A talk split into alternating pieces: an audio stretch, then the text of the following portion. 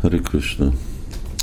Egy kérdés van a Nakuladász, aki kérdezi, hát röviden azt, hogy hogy lehet valaki, aki Nitya Badha, vagy örökké lekötött itt az anyagi világban, Nitya Siddha, örökké felszabadult. És hát ennek a válasz az, hogy mi hogy értékeljük ezeket a szavakat, Nitya Badha és uh, Nitya uh, Siddha. Uh, vagyis igazából a szó Nitya. Uh, minden, ami lelki, az Nitya. Szóval uh, vannak háromféle tökéletes élőlények, Sarana Siddha, Kripa Siddha, Nitya Siddha.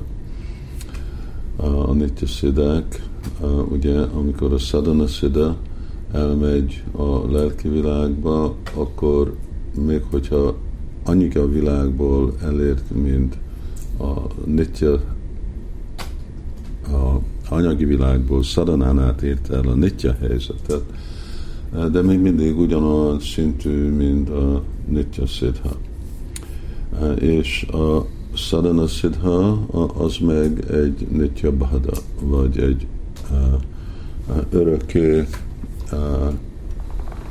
feltételez kötött lélek volt, és itt a szempont örök nem azt jelenti, hogy örök a lelki szempontból, hanem örök egy hosszú-hosszú időig mert tudjuk, hogy az élőlény valamikor beesik az anyagi világba. Aztán, hogy honnét jön, az már egy részlet. De Krishna Bahir Mukya, hogy Bolgya van Nikati a Maya. Szóval, hogy amikor elfordul Krishnától, akkor beesik a anyagi világba. Szóval itt a szó nitya, annak két jelentősége van a anyagi világban jelenti, hogy nagyon hosszú idő, és a, a lelki világban igazából jelenti, hogy örök. És azért, amikor felmegy valaki az örök szintre, akkor ő is lesz nitya, mert ő belép a nitya helyzetbe. Ez most az én példámat, amit most csak gondoltam, tudom mondani, hogy a halak a vízben vannak, és ők nedvesek, örökké nedvesek.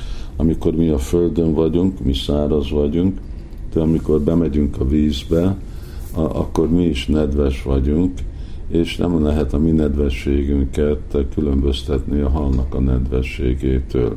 Mi is nedves vagyunk, ugyanúgy, mint mi is akkor nitya vagyunk.